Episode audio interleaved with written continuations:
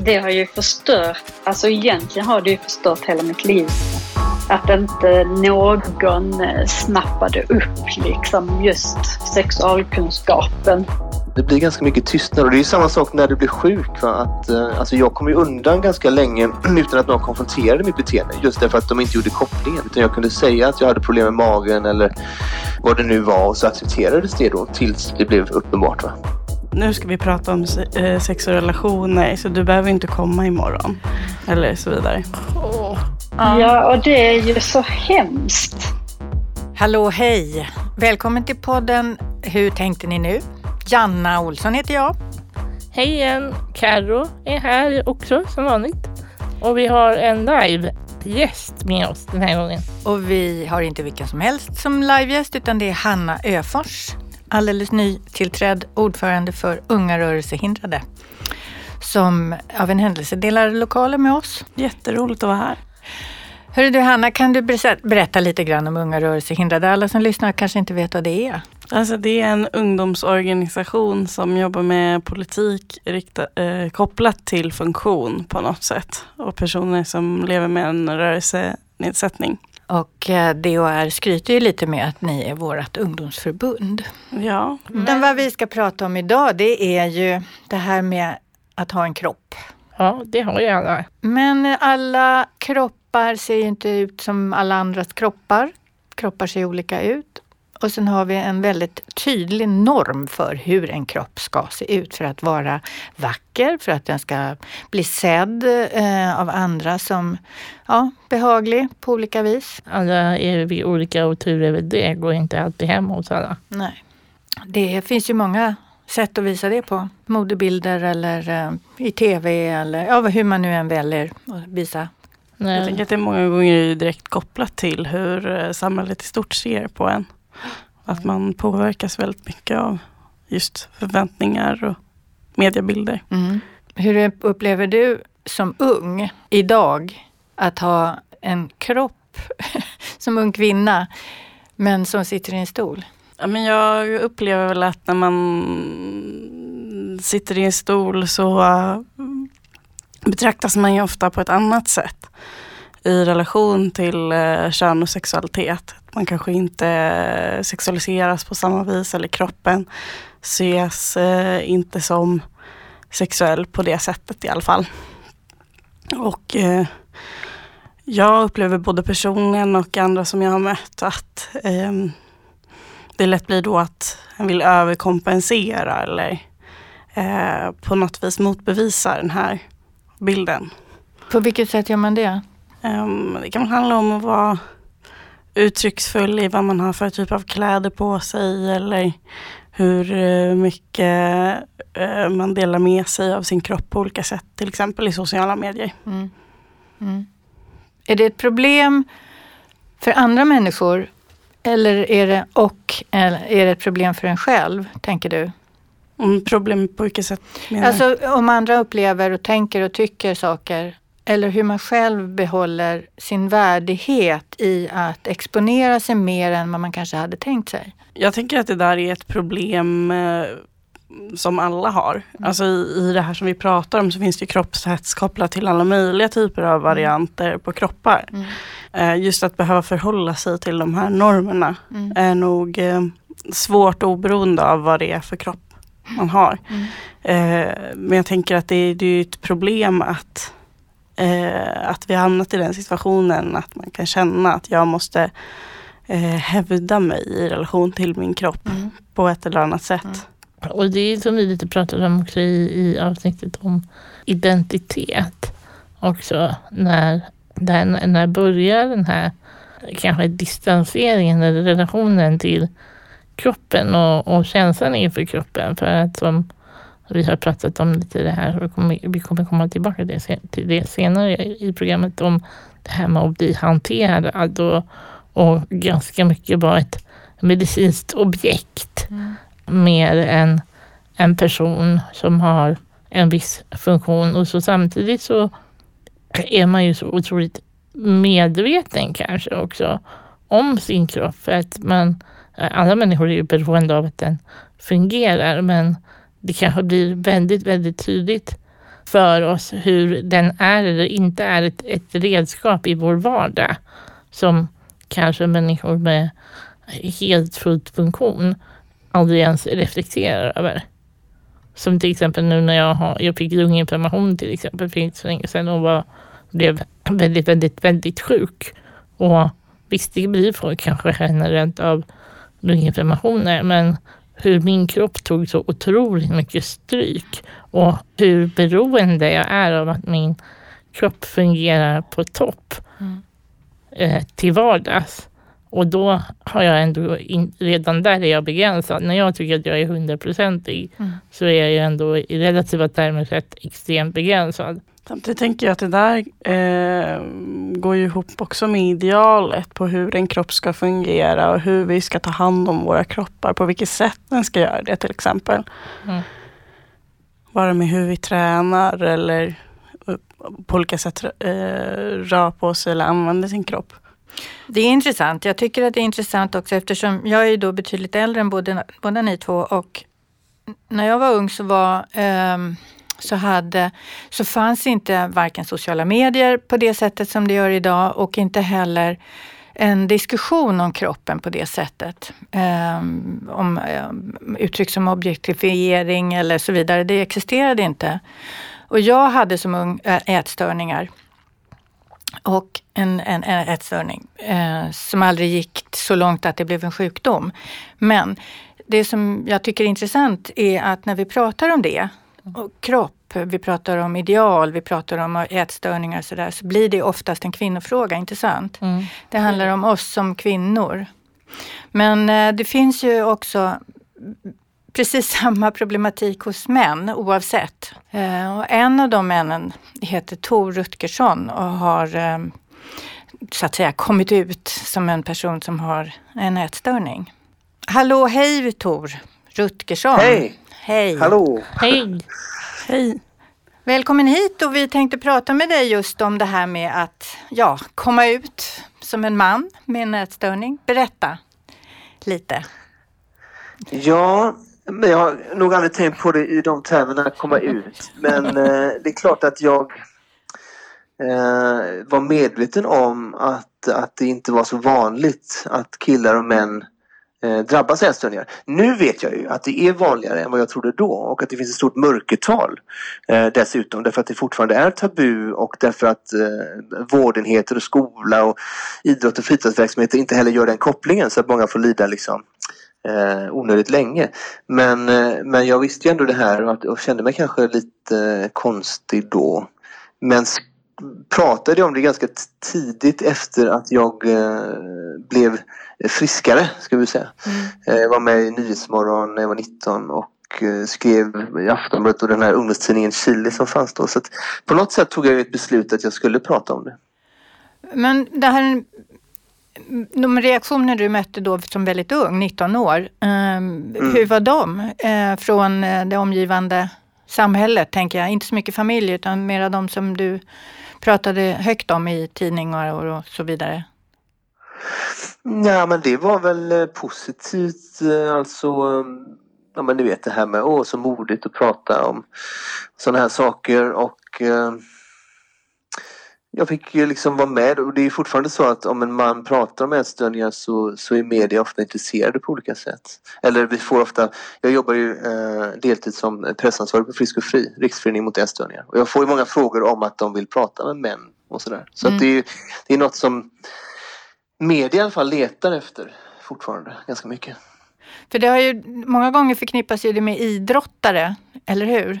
Mm, och mm. kvinnor. Eh, betydligt mer än eh, män. Men är det en annan typ av reaktioner, tror du, nu vet ju inte du det kanske, men som du kan få än om en kvinna skulle komma ut att säga, berätta och beskriva? Jag tror att det blir en ganska stor portion tystnad i båda fallen. Därför att eh, människor eh, vill eller tycker det är svårt att prata om eh, den här typen av, av vad ska vi kalla det för, åkommor. Men, men också att kanske lite extra tystnad när det gäller män att det blir sådär, jaha, ja, okej. Eh, och sen så sägs det inte så mycket mer om det. Va? Därför att det finns inga referensramar eller beröringspunkter riktigt som vi har lärt oss kollektivt att vi, ska, att vi kan liksom hänga upp det på då. Eh, så att eh, det blir ganska mycket tystnad och det är ju samma sak när du blir sjuk. Va? Att, eh, alltså jag kom ju undan ganska länge utan att någon konfronterade mitt beteende just därför att de inte gjorde kopplingen. Utan jag kunde säga att jag hade problem med magen eller vad det nu var och så accepterades det då tills det blev uppenbart. Va? Mm. Men blir det en, en, vad ska jag säga, den här manlighetsnormen att man ska vara stark och kraftfull och ta i och allt det här. Mm. Det blir ju en slags motsättning i det när man är en lite mer skör person som jag förmodar att du är eller har varit. Ja, det, det är jag säkert på olika sätt och jag tycker att det kan vara starkt i mm, sig. Mm. Men, men eh, det är viktigt att komma ihåg att ätstörningar sällan syns utanpå. Alltså de flesta som drabbas är normalviktiga eller överviktiga. Mm. Och många män som drabbas idag eh, är ju fokuserade på att bygga muskler. Det vill säga eh, att äta hela tiden rätt och att träna mycket. Det som i folkmun kallas för ortorexi, även om det inte är en diagnos. Eh, så att jag menar, du kan ju vara en muskelkille på gymmet och ha en ätstörning.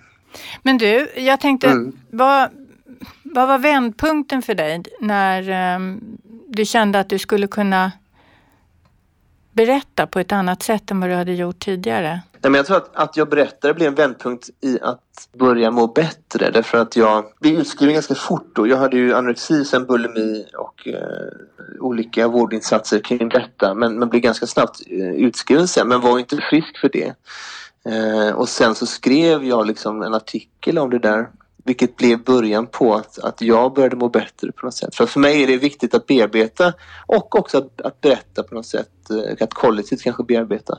Så att det var liksom inte Det var inte så lång period eller någon period alls där jag inte pratade om det. Så, mm. Men det kom ju senare i livet. Alltså att jag ville distansera mig och under många år liksom inte prata med ätstörningar. Då har jag också haft återfall och, och liksom inte så allvarlig men varit sjuk igen. Så att så snarare kom det med, med något mer vux, i vuxenlivet, att det skulle vara liksom problematiskt att prata om. Skulle du säga att du tror att män och kvinnor mår dåligt av olika saker i relation till kroppen? Ja, det är olika normer för, eh, för våra olika kroppar då liksom. Mm. Och om vi går på det binära och, och liksom kvinnor och män så, så är det ett mer musklat och större ideal för män medan det fortfarande är ett ganska liksom smalt eh, ideal för kvinnor eh, om vi ska liksom generalisera. Mm. Och det blir ju då olika fokuspunkter helt enkelt. Eh, olika saker vi mår dåligt för eh, när vi tittar på våra egna kroppar. Mm. Så det är mm. lite annorlunda. Det betyder att det blir annorlunda ingångar till en ätstörning. Men sen är ju ätstörningsproblematiken ofta densamma. Det är skuld, det är skam mm. och det är tvång. Hörru du Tor, vad bra att du ville gå ifrån ditt möte och prata med oss en stund. Det var så lite så. Tack för att du var med. Ja, kul att vara med. Hej då. Hej då. Hej då. Um, inför det här avsnittet, och vi har ju pratat om det här avsnittet ganska länge och just det här hur kan vi bygga upp det och vad, vad ska det handla om när vi pratar om kroppen. Och då började jag också tänka på, liksom så här, ja men reflektera själv. Och, jag tycker, och så kom jag på en situation som jag så här nu i efterhand är helt absurd för att jag behöver ju hjälp i vissa situationer av en personlig assistent och när jag var yngre så fanns det ju inga sådana att tillgå utan man fick hjälp av till exempel ja, men, elevassistenter och sådana saker på skolor och man gick på en sådan skola, vilket många gjorde under 90-talet ska man väl säga. Och det var så intressant för att jag behövde hjälp i en ganska intim situation. Och då fick jag hjälp av män.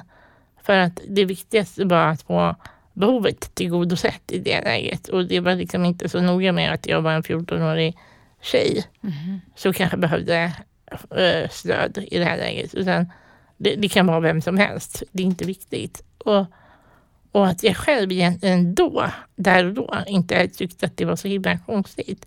För att jag hade ju också tidigare när jag var yngre hela tiden blivit omgärdad av väldigt mycket män i olika professioner. Alltså läkare, ortopeder, ja men, taxichaufförer som sagt, eh, elevassistenter, lärare eller någon eh, fritidspersonal som liksom fick hålla på och hantera mig på olika sätt. Alltså min, min, min integritetsgräns var ju liksom någonstans i ett helt annat land. Liksom, egentligen. Det är just intressant tänker jag eh, och eh, tragiskt på något vis när den integritetsgränsen sätts av någon annan än en själv. Ja, av praktiska skäl. Så här, vi måste bortse från att eh, Karo är 14 år och kanske inte vill eh, få hjälp med intima saker av vem som helst. För Nej, det blir smidigast i skolan eller vad det har att göra med. Liksom. Men att Jo. inte Karo 14 år heller själv kan veta det, att, Nej. att kunna säga nej. Och jag tror inte att man reflekterade över det. Jag tror att det var liksom inte en så här, shit, det här blir jobbigt. Det tror jag inte ens fanns i, i de här människornas upplevelsevärld. Och, och det var ju som sagt i, i den situationen där och då så upplevde jag det inte särskilt jobbigt. Det fanns ju ganska mycket trygghet i, däremellan förmodligen också som säkert underlättade den här situationen. Men den är egentligen fortfarande helt absurd Mm. så här nu i efterhand. Att ingen som sagt reflekterar över att nej, nej det, det, det här är nog inga bra att vi, att vi sätter en, en, en man med den här 14-åriga tjejen här som är helt, har, har liksom ingen sportslig chans till skydd om hon så skulle vilja. Det behöver ju kanske i och för sig inte ha, vara ett problem just med eh, den här mannen i relation till, eh, till eh, integriteten heller. Det beror ju på vad man själv har för eh, identitet och om det är viktigt Mm. eller så. Eh, jag tänker att det, det stora problemet eller det som är eh, den viktigaste punkten är väl någonstans själva det faktum att inte du eller jag eller just den här personen med stödbehovet inte själv fått förutsättningar att reflektera över Mm. vad är det jag vill och vad är, vad är mina gränser någonstans. Så det här börjar ju väldigt, väldigt tidigt förmodligen. Alltså i och med att, som vi har pratat om tidigare, man blir hanterad Mm. i väldigt ung ålder. gör ju säkert att man, man, man, man blir ju säkert väldigt mycket en, en- medicinsk kropp mer än en individuell enskild kropp som de, definieras själv. En som kan rätt mycket om det här och som har pratat en del om det är ju Madeleine Löv, Madde, som eh, är en relativt ung kvinna som jag och du har träffat några gånger. Vi eh, ska prata med henne. Hej! Välkommen till oss i podden här och prata med oss om det här med att bli hanterad. Vad, vad tänker du när vi säger kropp och kroppsuppfattning? Ja, alltså under barndomen så var det ju väldigt många sjukhusbesök. Jag låg ju inne ganska mycket. Det känns, kändes ju ändå, jag tänkte inte på det när jag var barn så. Barn tänker liksom inte riktigt på det sättet som man tänker på när man är vuxen. Det var ju väldigt många som hanterade min kropp så att det kändes ju inte riktigt som att det var min, att man inte fick säga nej liksom. Mm. Utan det var bara saker man var tvungen att gå igenom. Utifrån att det då var, fanns någon typ av medicinskt syfte med att göra det. Mm. Det var ju mycket operationer och så, så att man, jag vande ju mig att eh, många, att många olika människor hanterade min kropp helt enkelt. Eh, och jag var ju, vad var jag, 11 år när jag kunde eh, liksom sköta mina toalettbesök själv, helt själv. Innan dess hade jag ju flera olika i familjen och släkten som hjälpte mig.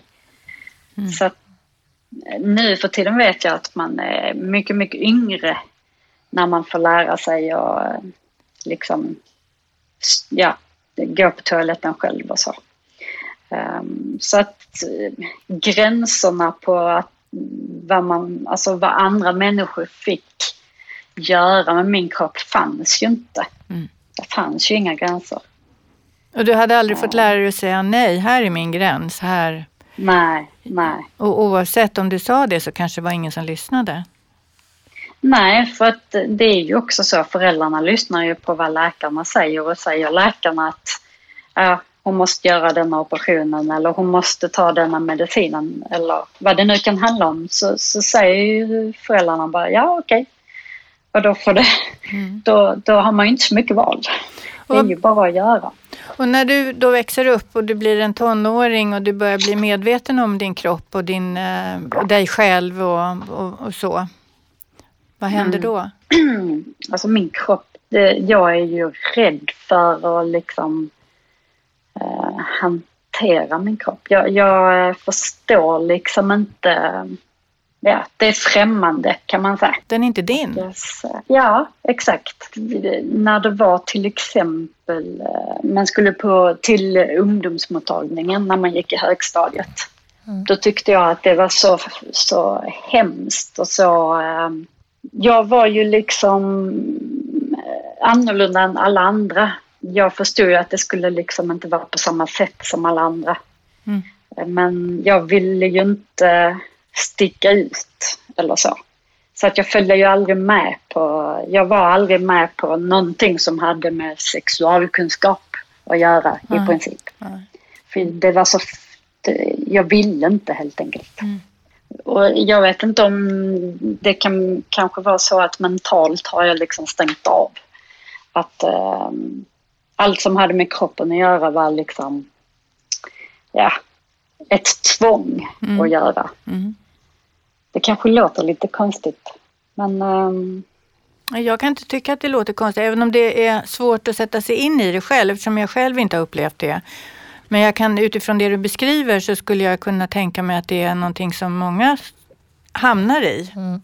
Och, och jag tror ju också att det är viktigt att tala om det för att jag tror att personer som inte nödvändigtvis har någon typ av funktionsnedsättning kanske ens reflekterar på det sättet. I, då, självklart så reflekterar vi alla mer eller mindre i relation till sin kropp men kanske inte på det så tydliga, tydligt avvisande sättet. Nej, vilket nej. kanske är, inte är helt ovanligt skulle jag kanske tänka mig. Jag tycker att det var intressant att du tog upp just sexualupplysning eller så som exempel. För jag känner väldigt väl igen mig i den beskrivningen också. Jag vet att personligen så jag hade aldrig skolkat eller liksom varit eh, frånvarande från någon eh, lektion i skolan förrän det kom till sexualupplysning. Då, Nej. då eh, ville jag inte vara med. Och, och jag tycker att jag hör att det, är någonstans, samma upplevelse av att man inte vill sticka ut och inte vill bli medveten om och medvetandegöra för andra att ens kropp fungerar på ett annat sätt. mm. Så att det kan handla om att liksom dölja det både för sig själv och för andra i klassen eller liksom i omvärlden. Ja, jag tror också Mm, att man är i en ålder kanske just då då man också börjar väldigt mycket med det här och ifrågasätta eller märka att vi är inte alla likadana. Eh, vad är de negativa och positiva konsekvenserna av det? Det Vilket- var ju jättemycket som hände när jag gick i högstadiet. Så att, eh, det var ju mycket med mobbing och mycket eh, skolpersonalsmöte. Och det, ja, det var så mycket Mm. eh, som inte fungerade så att jag kan tänka mig att det också spelade in. Mm. Eh, men det är skönt att höra att någon förstår vad jag, vad jag menar. Att det är någon annan som har tänkt eh, Jag tror, att det bo- likadant. jag tror att det finns två kvinnor här inne som har eh, samma erfarenheter som du faktiskt. Båda två, eh, Hanna och Mm. Karo. Jag tillhör ju den gruppen som eh, jag bara tyckte det var pinsamt. och gå på så, så som de flesta ungdomar gör när man ska prata sexualkunskap. Som, och jag Ja. kommer ihåg att det jag tyckte även de som skulle vara lärare i det. Att det var fruktansvärt pinsamt. Och då, min tanke här är ju lite grann att om ni hade gått med på den eh, undervisningen så att säga, så hade förmodligen de som skulle vara vuxna i det sammanhanget inte riktigt vetat hur de skulle förhålla sig till er. Därför det är ju ingen Exakt. kunskap de har heller. Nej, förmodligen. Nej. Och inte, Nej. då det tror jag gäller fortfarande idag. Alltså, Mm. Det finns ju ofta rekommendationer alltså där personer som bryter mot funktionsnormen på ett sätt eller annat blir rekommenderade helt enkelt av sina lärare i olika eh, former att inte delta eller så här, eh, att man helt enkelt rakt ut säger att det här är inte, nu ska vi prata om eh, sex och relationer så du behöver inte komma imorgon. Eller så vidare. Ja. och det är ju så hemskt. Um, att vi om inte ens har kommit längre. Då har man ju verkligen bestämt redan från tidig ålder vem du är, så Mm. att säga. Eller inte Mm. är. Det är ju förfärligt. Det har ju förstört, alltså egentligen har det ju förstört hela mitt liv med, med att inte någon eh, snappade upp liksom just sexualkunskapen. Mm. Eh, sen om det är i skolan eller om det skulle vara genom habilitering, det lägger man inte i. Liksom. men, men man behövde ju få kunskapen. Mm. Det är ju det är intressant för att man, om man inte får den på, på våra villkor, liksom, då, då lär vi oss ju inte heller att ja, men det är okej att ni är som ni är. Eh, Och att man måste få hjälp att lära sig att upptäcka sin kropp utifrån den kropp man har. Och att få reda på att det är frivilligt. Mm. Alltså att det inte ska vara ett tvång liksom.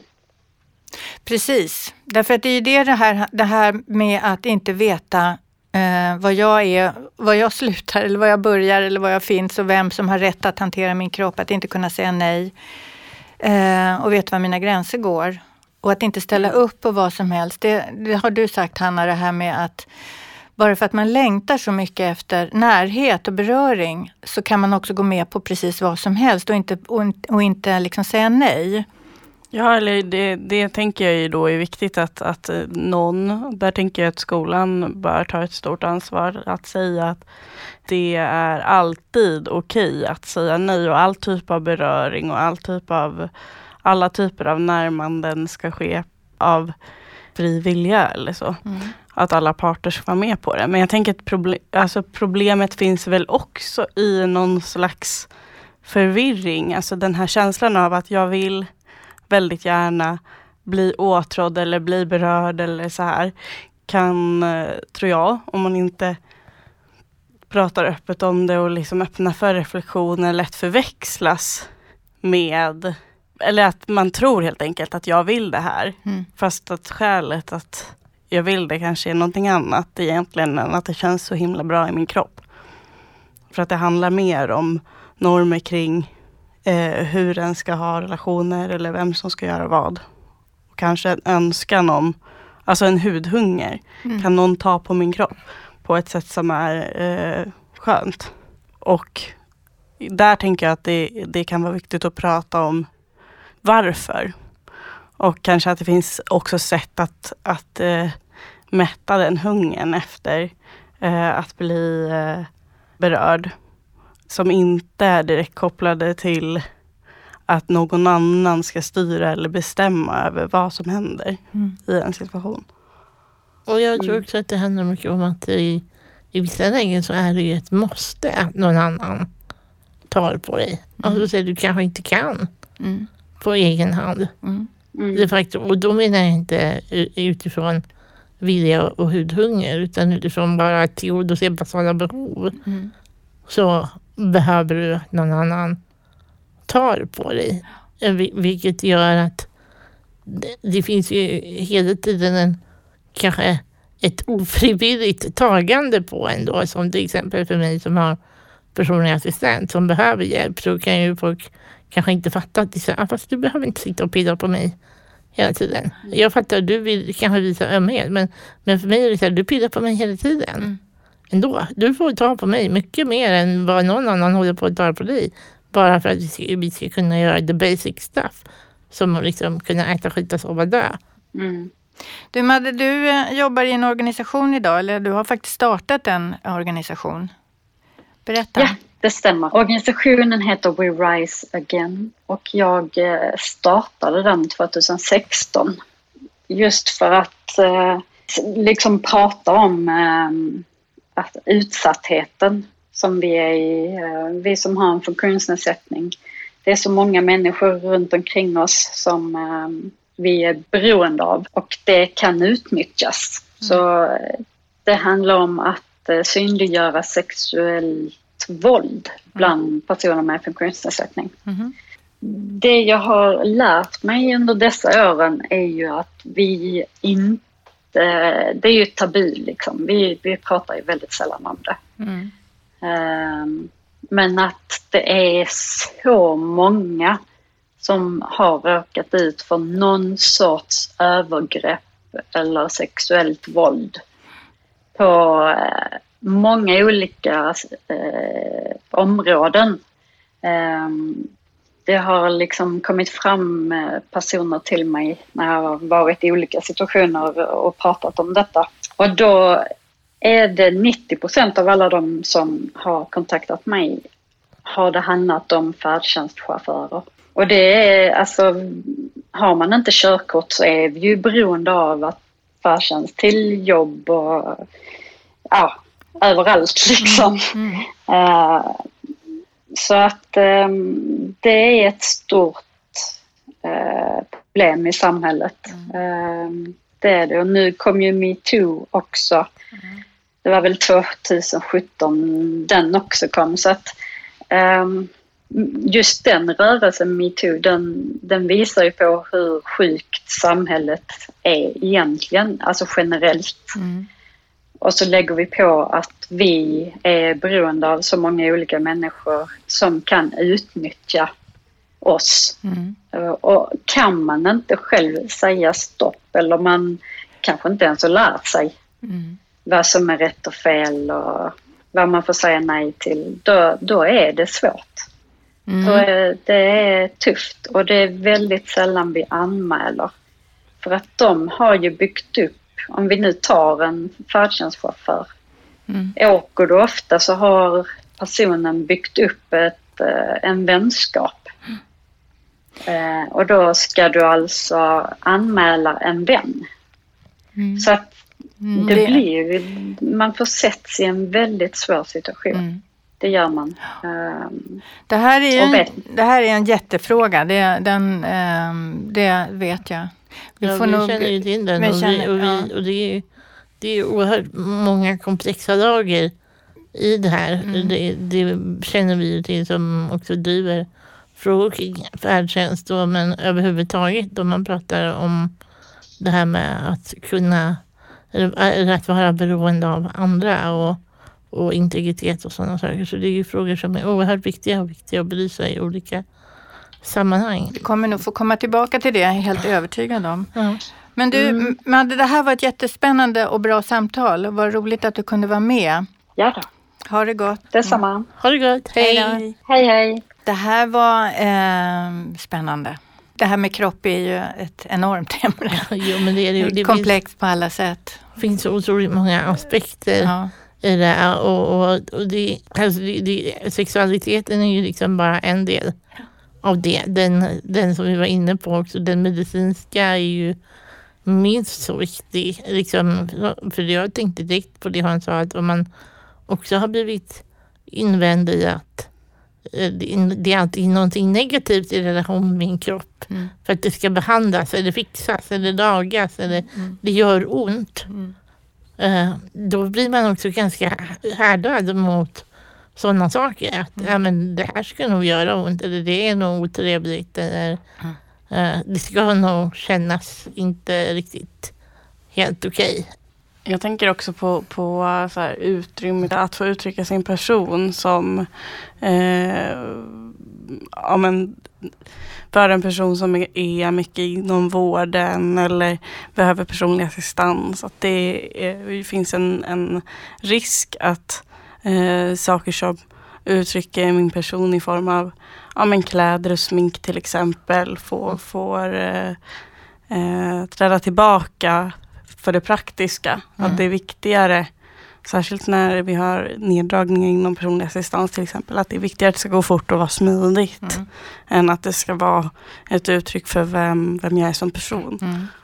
Ja, men nu senast, det är ju liksom, du ska inte, vara, du ska inte ens få få göra dig snyggare eller fulare med hjälp av smink. Det ska inte räknas liksom, numera. Så att det, allt sånt påverkar ju kroppen och kroppsuppfattning och hur andra uppfattar ens kropp. Det, framförallt, det tänker jag framförallt hur andra uppfattar ens kropp. För det var egentligen där vi började också lite grann det här med den kroppsuppfattning som är norm. Mm. Hur, vad som är vackert och vad som är fult och vem som ska få ta hand om sig eller inte ta hand om sig. Och um, ja, vi skulle kunna fortsätta prata om det här i evigheter tror jag och vi kanske får uh, återkomma till det också. För mm. det finns många aspekter i det här. Jag tror att det viktigaste för oss med det här första avsnittet på just mm. temat kropp är ju just att visa och, och, och få normater mm. att tänka till och tänka utanför boxen och reflektera. Mm. Och sen är det ju väldigt komplicerat och komplext. Mm. Men vi har bara liksom börjat skrapa lite på ytan på den här frågan. Vi har skrapat lite på ytan och jag tror som sagt att vi kanske får återkomma med någon form av del två. Jag tror att vi brukar säga det. brukar säga det. Vi, men vi återkommer ju, det gör vi ju alltid. Vi har så många, ja men det är så spännande gäster och det är alltid så spännande teman och sådär. Men den här gången måste vi faktiskt äh, säga tack och, och hej. Vi har ju haft en gäst här i i studion live idag. Så vi får tacka Hanna Öfors för att du har varit med idag. Tack för att jag fick komma. Det var jättekul. Mm. Så då... Ähm... Vi ses väl snart igen. Jajamensan. Vi är tillbaka snarare än ni tror. Och vi kan igen tacka Bidragsstiftelsen för detta faktiskt. Absolut. Det är ju de som ger oss möjligheten att spela in det här. Ja. Och ingen är gladare än vi för att vi får göra det. Mm, precis. Ha det bra. Hej hej. Hej. Hur tänkte ni nu? är en podd från DHR. Ansvarig utgivare, Janna Olsson. Hur tänkte ni nu produceras av Filt Hinterland för DHR.